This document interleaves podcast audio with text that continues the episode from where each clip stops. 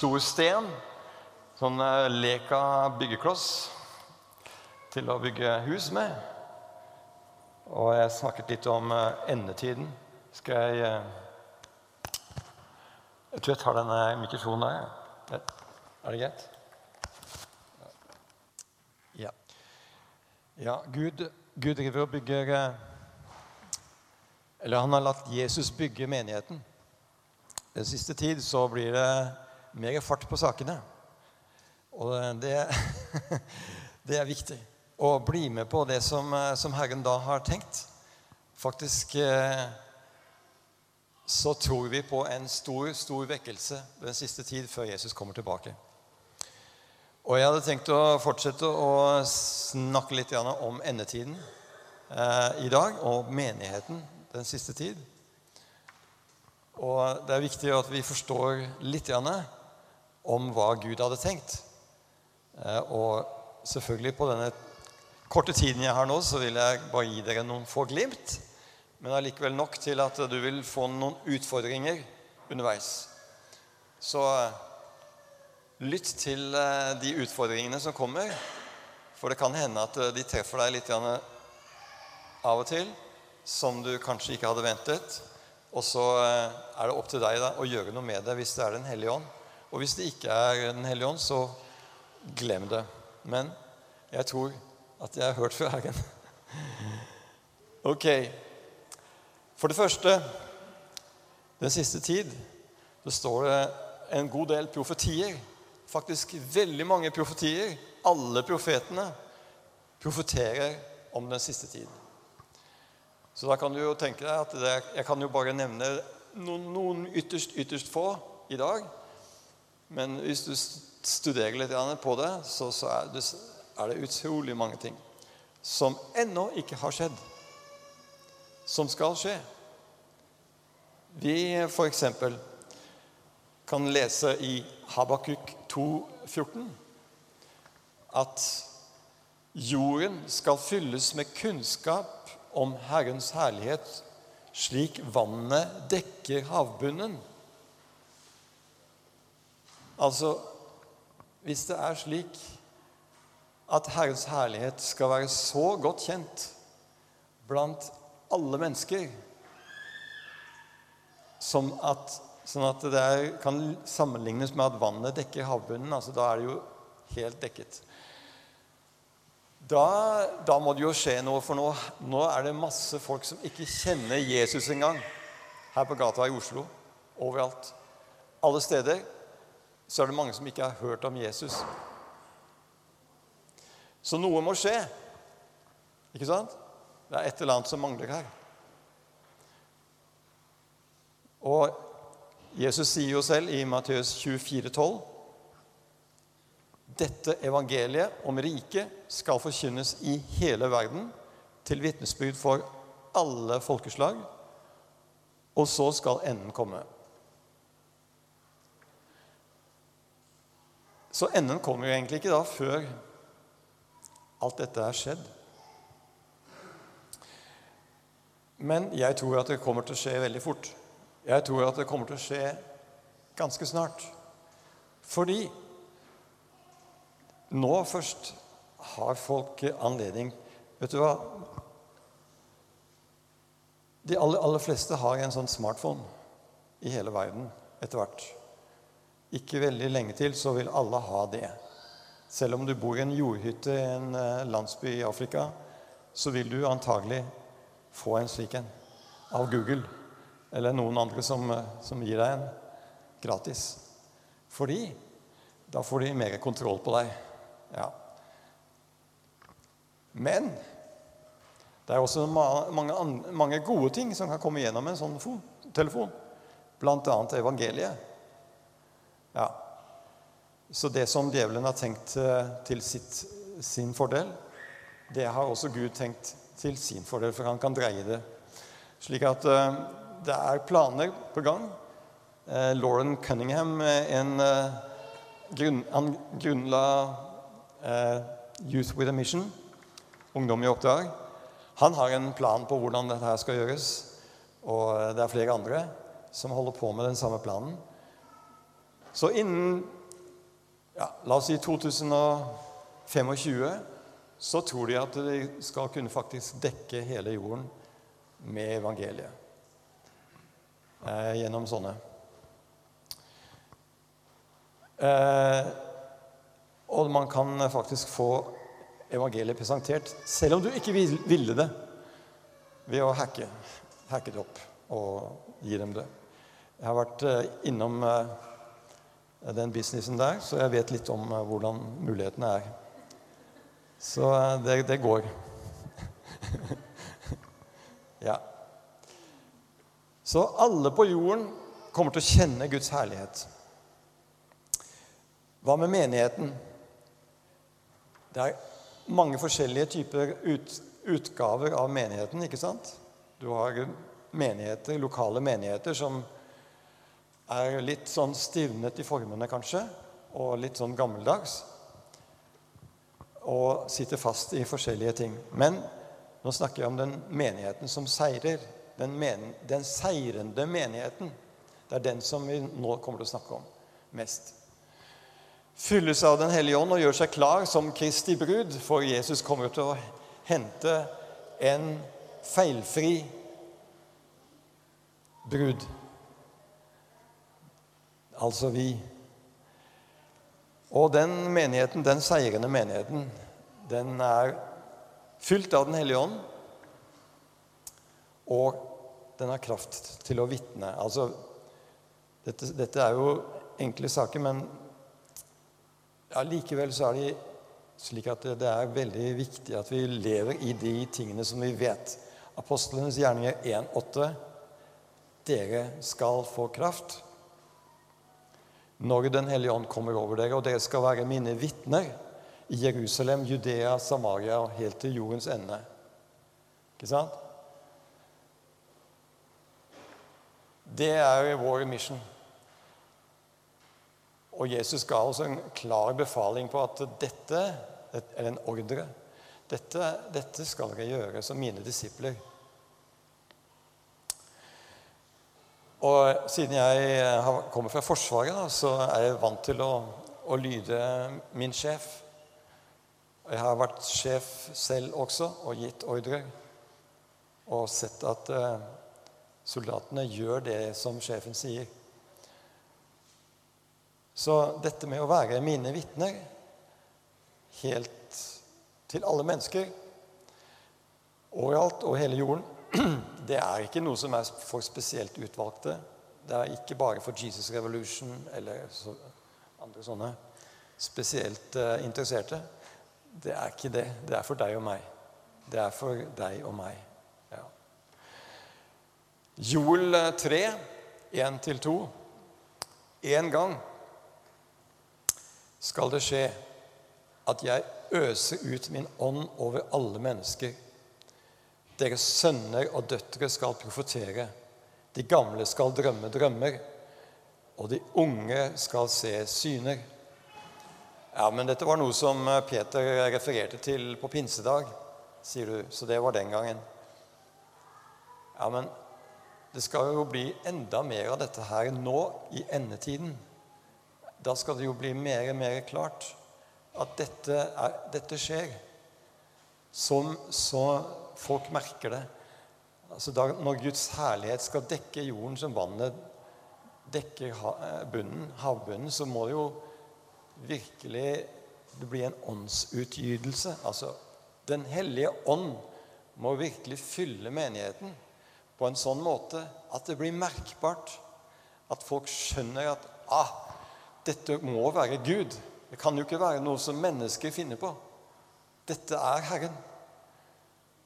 Så dette som vi nå leser, det er ikke bare noe vi skal lese, men det er noe vi skal gjøre, oppleve.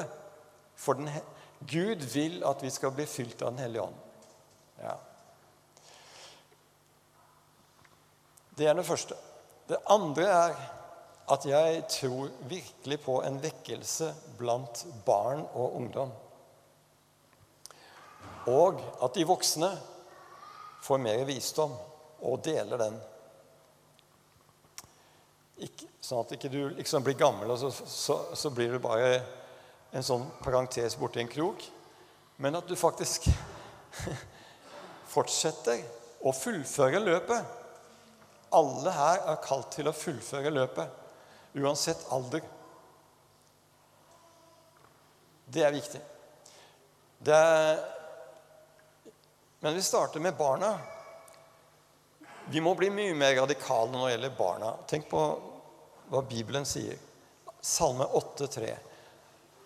Fra småbarns og spedbarns munn har du reist et vern mot dem som står deg imot, for å gjøre ende på fienden og hevneren. Ja. Barna er faktisk de som har Jesus i sin munn, og som kan stå imot alle slags mulige fiendens angrep. Det har vi ikke tenkt på. For barna er jo bare barn. De forstår seg ikke på dette her. Og de forstår faktisk mye mer. Når vi vil velsignet et barn her, så gjør vi det for at eh, Jesus har tro på barna. Og vi har også da den samme tro. Barn kan gjøre utrolig mange ting. Mye mer fordi de har et tillit til Gud som far og Jesus som sin herre, som ikke vi ofte har. Og ungdommen, f.eks. hvis vi leser i 1. Johannes 2, 12-13, står det om både barn og ungdom og, og de voksne. Dere barn, jeg skriver til dere fordi dere har fått syndene tilgitt for Hans navns skyld. Dere fedre, jeg skriver til dere fordi dere kjenner ham, eller har intimitet med ham, som er fra begynnelsen av. Dere unge, jeg skriver til dere fordi dere har seiret over den onde. Så nå har jeg drevet med å undervise på bibelskolen her i en, noen år. Og jeg ser hvordan de tar ordet og bruker det og seirer over den onde på en måte som er så radikal at det er ingenting som står i, står i veien for dem. Altså fordi det, det er ikke noe som er for vanskelig. Altså tro til at Jesus, Jesu ord og hans kraft, hans nåde, står over Satan og djevelens rike. Vi er hode og ikke hale, og det har ungdommen lært. Så de går på vet du, fryktesløs. Det er herlig å se det der. Veldig, veldig bra. Og vi skal se det mye mer. I endetiden så tror vi på en ungdomsvekkelse. Det er ikke slik at Oslo plutselig skal være en by uten ungdommer som tror på Jesus. Sånn som det er i dag. Nei, det skal være slik at Oslo er full av ungdommer som tror på Jesus, og som har seirer over den onde. Seirer over alt det som den onde legger på denne byen. Og det er mye. Veldig mye. Yes.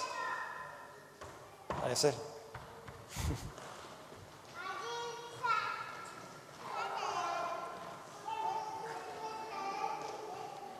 Snart skal du få, skal du få preke, du òg.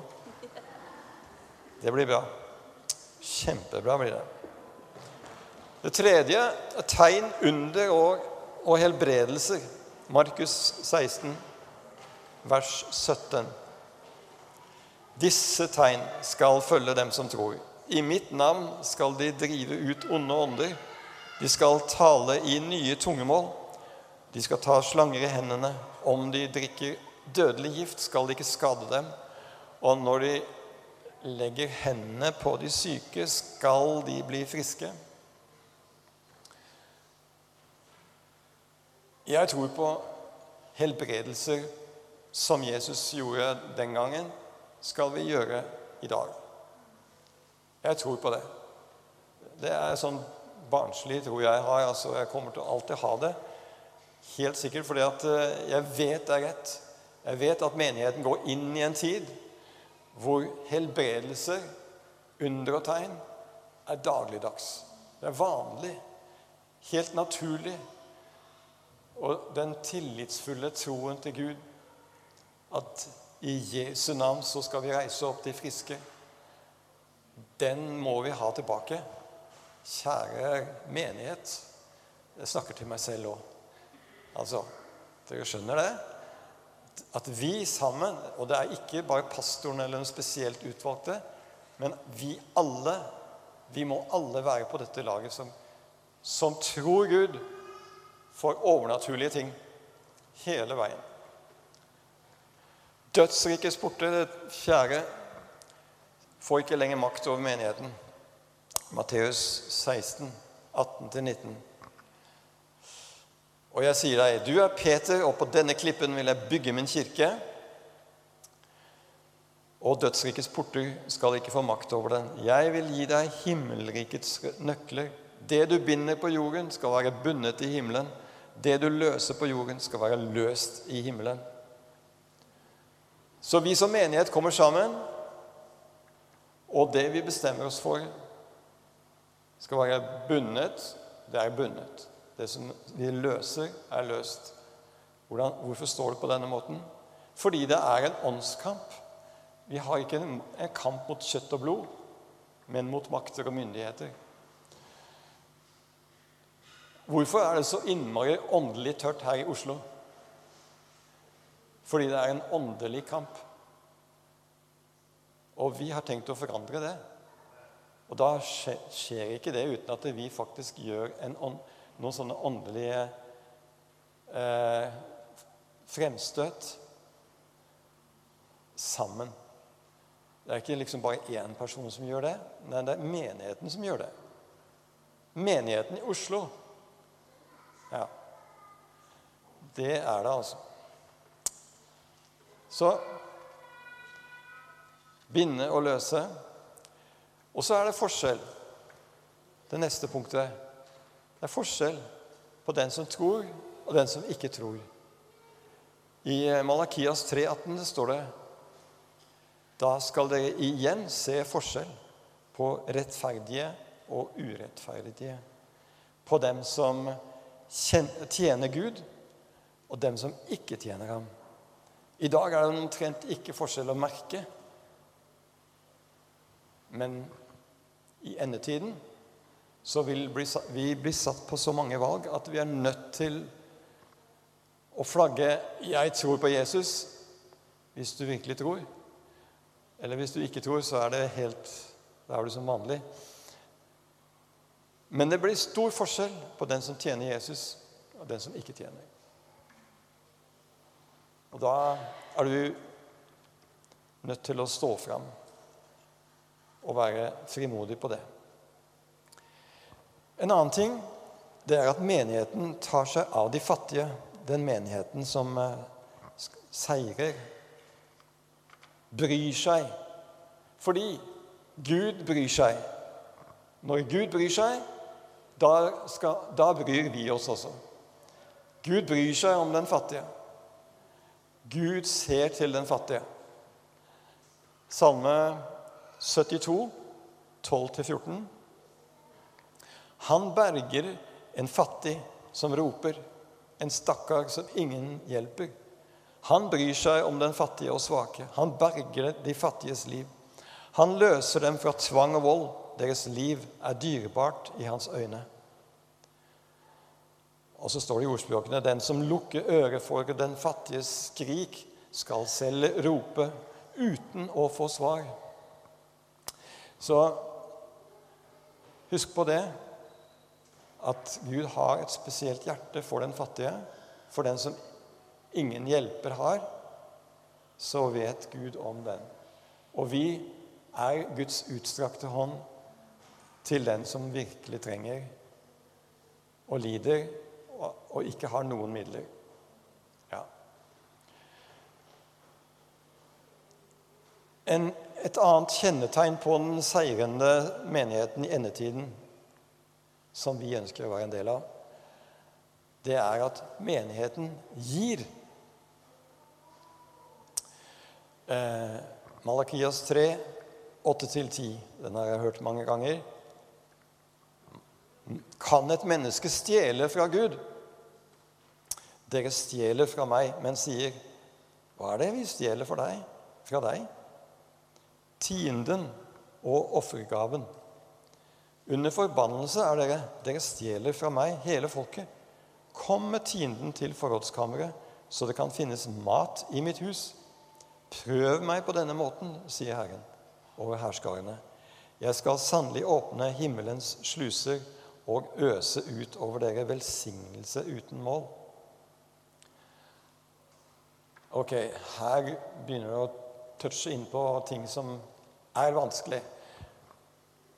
Men Guds ord er veldig klart på dette området her, fordi han vet at lommeboka, pengene våre, det er noe som smerter og ikke har kontroll over.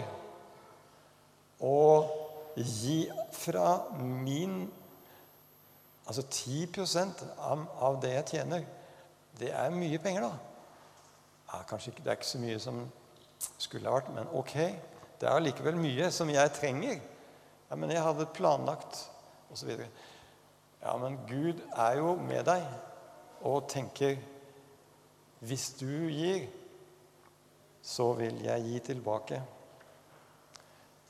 Eh, jeg vet at eh, Gud er trofast over sitt, eh, sitt ord der hvor han sier 'prøv meg' på denne måten. Veldig trofast. Så jeg kan anbefale på det varmeste. For det er Guds hjerte å gi. Og menigheten siste tid gir mye. Også fordi vi trenger mye. Mye penger. Ikke sant? Her trenger vi penger for å kunne kjøpe et hus hvor vi kan eh, virkelig drive menighet på, i stor skala. Et Jesushus som kan ta imot alle de fattige. Kan, som vi kan gjøre mange ting som vi drømmer om nå, som vi ikke kan gjøre i øyeblikket. Menigheten, for det neste, er at menigheten våker og ber. Ja, men det har vi tenkt på. Her lanserer vi 24-7 1.9. Lukas 21, 34-36. Vær på vakt, og la ikke hjertet bli sløvet av rangel og drikk og dagliglivets bekymringer så den dagen plutselig kommer over dere som en snare. For den dagen skal komme over alle som bor på jorden. Våk hver tid og stund og be om å få kraft til å komme velberget fra alt det som skal hende, og bli stående for menneskesønnen. Ja Dagliglivets bekymringer.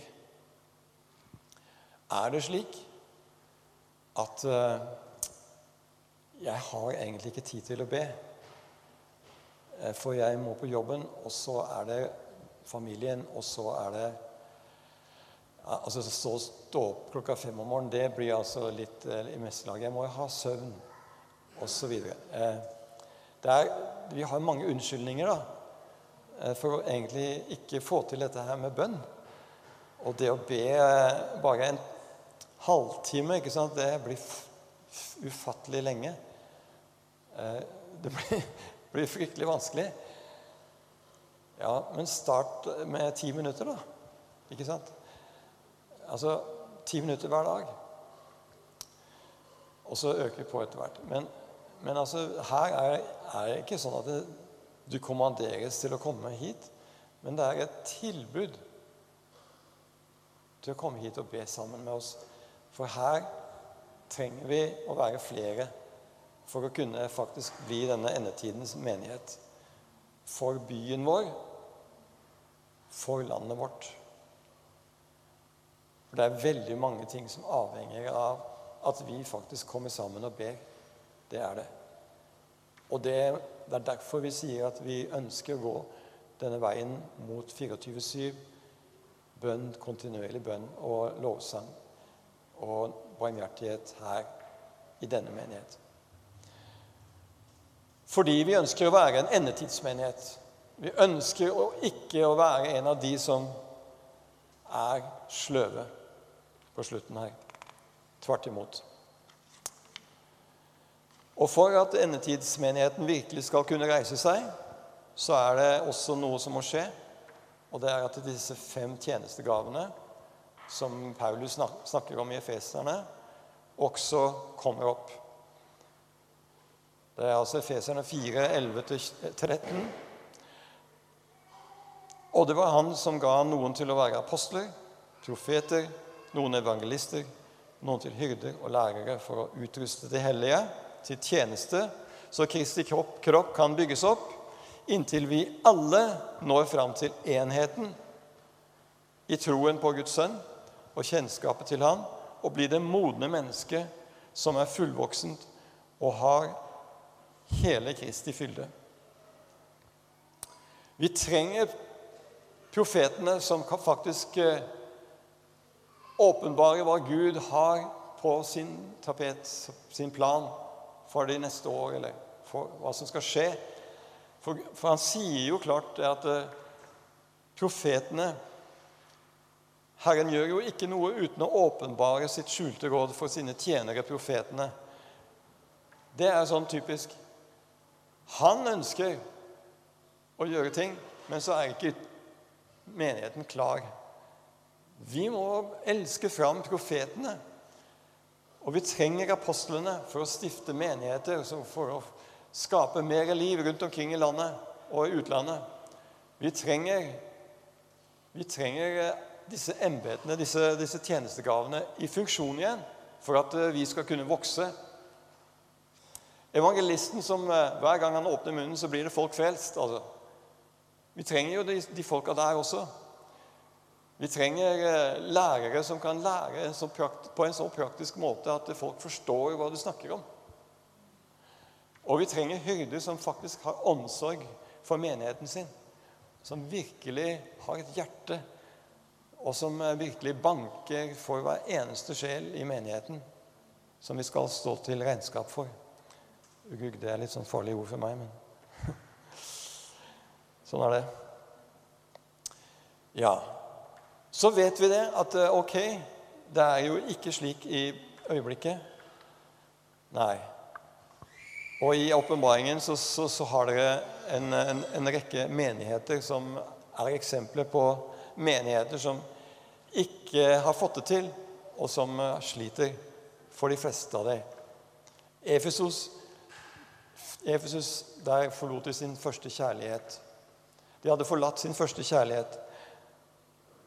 De begynte, de begynte bra, og så etter hvert så ble kjærligheten ikke så varm. Du elsket Jesus, Å, halleluja.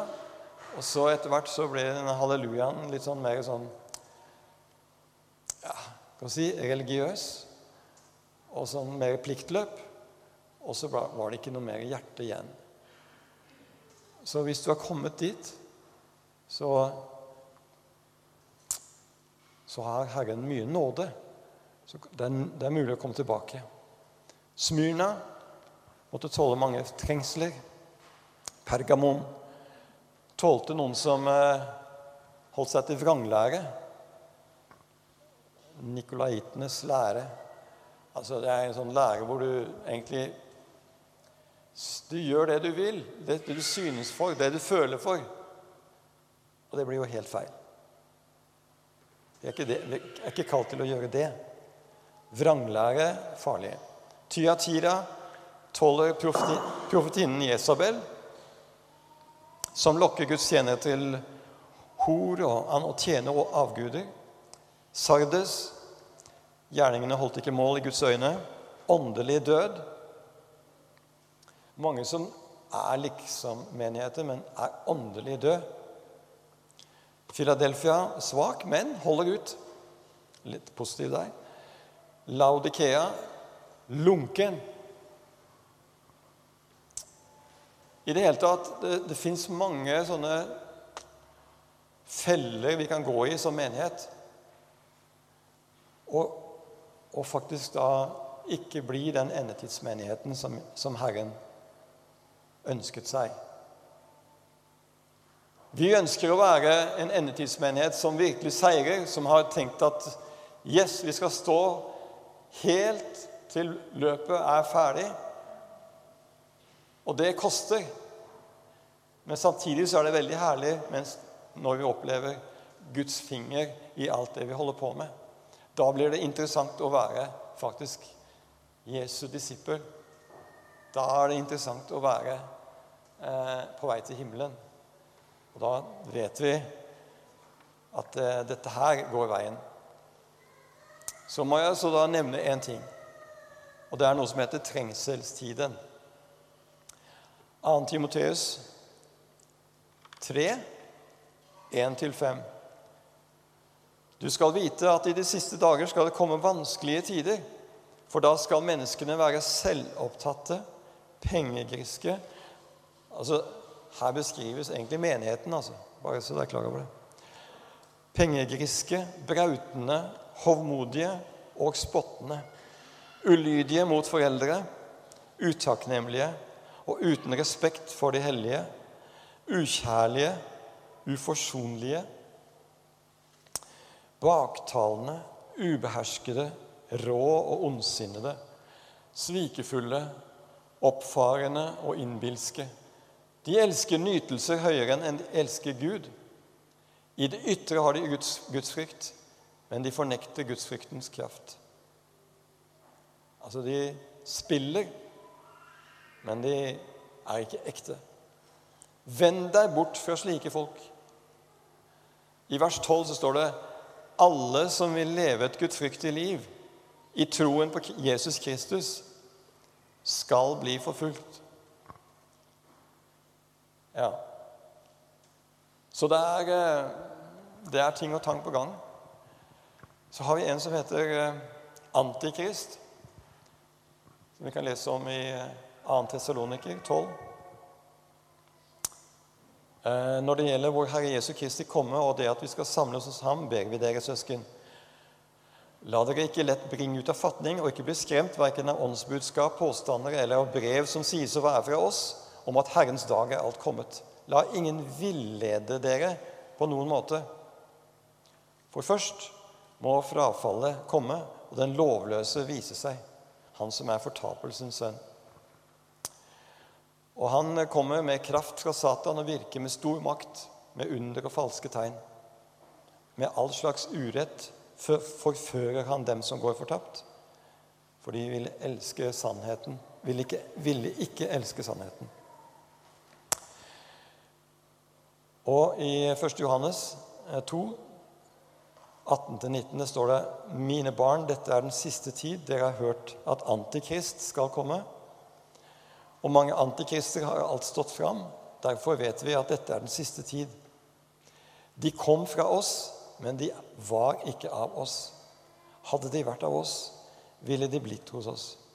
Og vers 22.: Hvem er løgneren om ikke den som fornekter at Jesus er Kristus? Han er antikrist, han som fornekter Faderen og Sønnen. Så det kommer en som heter Antikrist, da, som kommer egentlig fra menigheten, og som eh, kommer til å eh, gjøre store ting i, eh, med kraft ifra djevelen.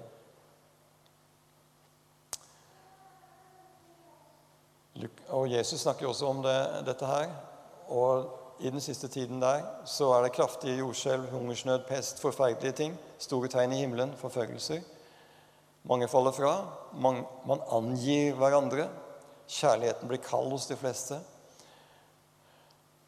Og det, det motbydelige som ødelegger, står på det hellige sted. Jerusalem, antagelig.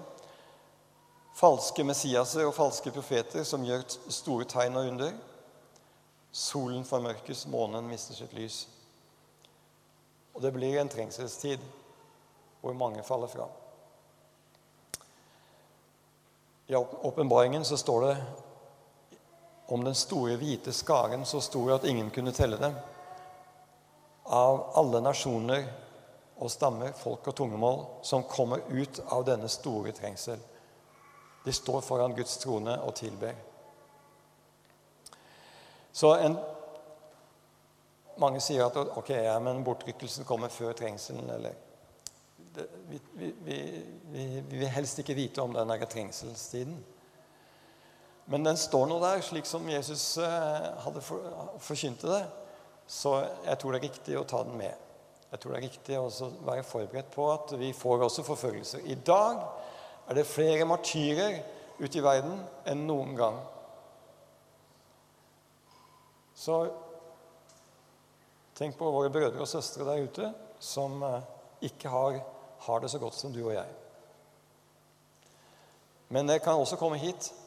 Det kan fort skje. Bortrykkelsen, første Tessaloniker 4, 16-18. Når befalingen lyder, når erkeengelen roper og Guds basun høres, da skal Herren selv stige ned fra himmelen, og de døde i Kristus skal først stå opp. Deretter skal vi som er igjen, og ennå lever, bli rykket opp sammen med ham, sammen med dem i skyene for å møte Herren i luften. Og så skal vi være med Herren for alltid. Trøst og sett mot i hverandre med disse ordene. Så uansett om vi får en trengselstid, så vet vi at Herren kommer tilbake og skal hente oss. Den natten skal to ligge sammen samme seng. Den ene blir tatt med, den andre igjen. To kvinner skal male på samme kvern. Den ene blir tatt med, den andre blir igjen. To menn skal være ute på markene. Den ene blir tatt med, den andre igjen. Så dette er en reell sak som skjer. Og den nest siste tingen som skjer, tusenårsriket, fredsriket, hvor vi skal se Jesus lede verden fra Jerusalem, hvor Satan er bundet i tusen år. Og ja Dette er eh, også slik da, at eh, samtidig som eh,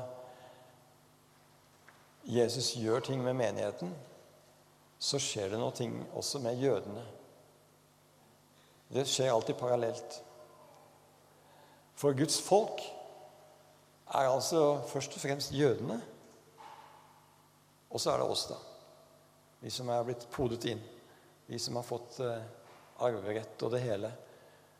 Så vi må ikke opphøye oss selv og tro at vi er noe bedre.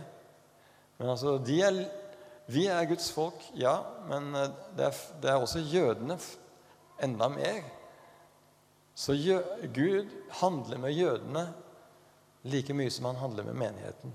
Kanskje enda mer. fordi at nå er det veldig mye som må gjøres med jødene for at det, profetordet skal gå i oppfyllelse. Han må først samle de, det står mye om det. Samle de til Israel. Og så må han åpenbare seg for dem som Messias. Men underveis så får de altså en enorm forfølgelse. Og alle, alle hærene på jorden kommer og skal ta, ta denne lille staten som heter Israel. da. Det er helt, helt rart. Men så griper da Gud overnaturlig inn og så er det ende på de. Så kommer denne tusenårsriket hvor han bruker jødene og menigheten til å være konger og prester for Herren den siste tiden. Da skal vi virkelig være konger og prester. I forrige søndag så snakket jeg om å være kong, iallfall være prester. Og gjøre gudstjeneste for Herren med ditt legeme og din lovsang osv. Ofre til Herren. Det er fint, men det er bare en liten, liten begynnelse på det å være prest for Herren i tusenårsriket. Det blir bra. Vi skal også gjennom noe som heter Jesu Kristi domstol. Er det noen som har hørt om den? Yes. De som har gått på bibelskole, iallfall.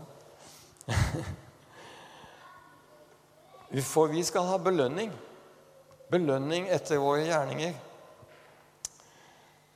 Det Jesu Kristi domstol er ikke, er ikke en vond opplevelse. altså. Det er en gledens dag. Ok? Derfor alle de troende. 2. Korinter 5,10. For vi må alle fram for Jesu Kristi domstol, for hver og en skal få lønn for det han har gjort gjennom sitt liv i kroppen, enten godt eller ondt. Og vi skal altså legge, avlegge regnskap for det vi har gjort. Og 1. Korinter 3,11 så står det at gjerningene må prøves i ilden. Ingen kan legge noen annen grunnvoll enn den som er lagt. Men om noen bygger en, på grunnvollen med gull, sølv eller edelsteiner, med tre, høy eller halm, skal det en gang vise seg hva slags arbeid den enkelte har gjort. Herrens dag skal gjøre det klart, for den åpenbarer seg med ild, og ilden skal prøve hvordan den enkeltes verk er. Om byggverket noen har reist, blir stående, skal han få sin lønn. Dersom det brenner opp, må han lide tapet. Selv skal han bli frelst, men bare gjennom ild som gjennom ild. Så ja da, vi, vi, er frelst, det er ikke det. Men altså, vi blir prøvet.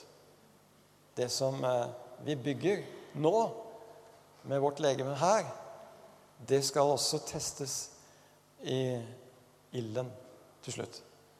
Så hvis du fullfører din tjeneste Det er derfor det er viktig for dere av oss som, vi av oss som er litt eldre, da, at vi fullfører løpet, slik at vi kan bli stående for denne domstolen her. Det er greit at vi er frelst, men jeg vil gjerne at noe skal bli stående ja, av det jeg har bygget. Ja. For Herren ga meg noen talenter, og deg også. Og så er det hvordan vi har forvaltet det, da. Yeah. Til slutt åpenbaringen 2011. Jeg så en stor, hvit trone og ham som satt på den. Jord og himmel flyktet bort fra hans ansikt og var ikke lenger til. Og jeg så de døde, både store og små. De sto foran tronen, og bøker ble åpnet. Så ble en annen bok åpnet, livets bok.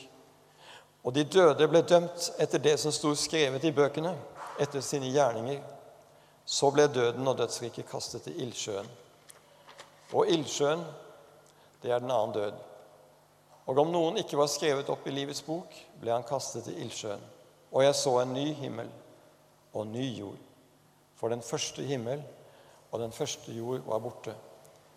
Og havet fantes ikke mer. Og jeg så den hellige byen, den nye Jerusalem, stige ned fra himmelen, fra Gud, gjort i stand og pyntet som en brud for sin brudgom. Og jeg hørte fra tronen en høy røst som sa, Se, Guds bolig er hos menneskene.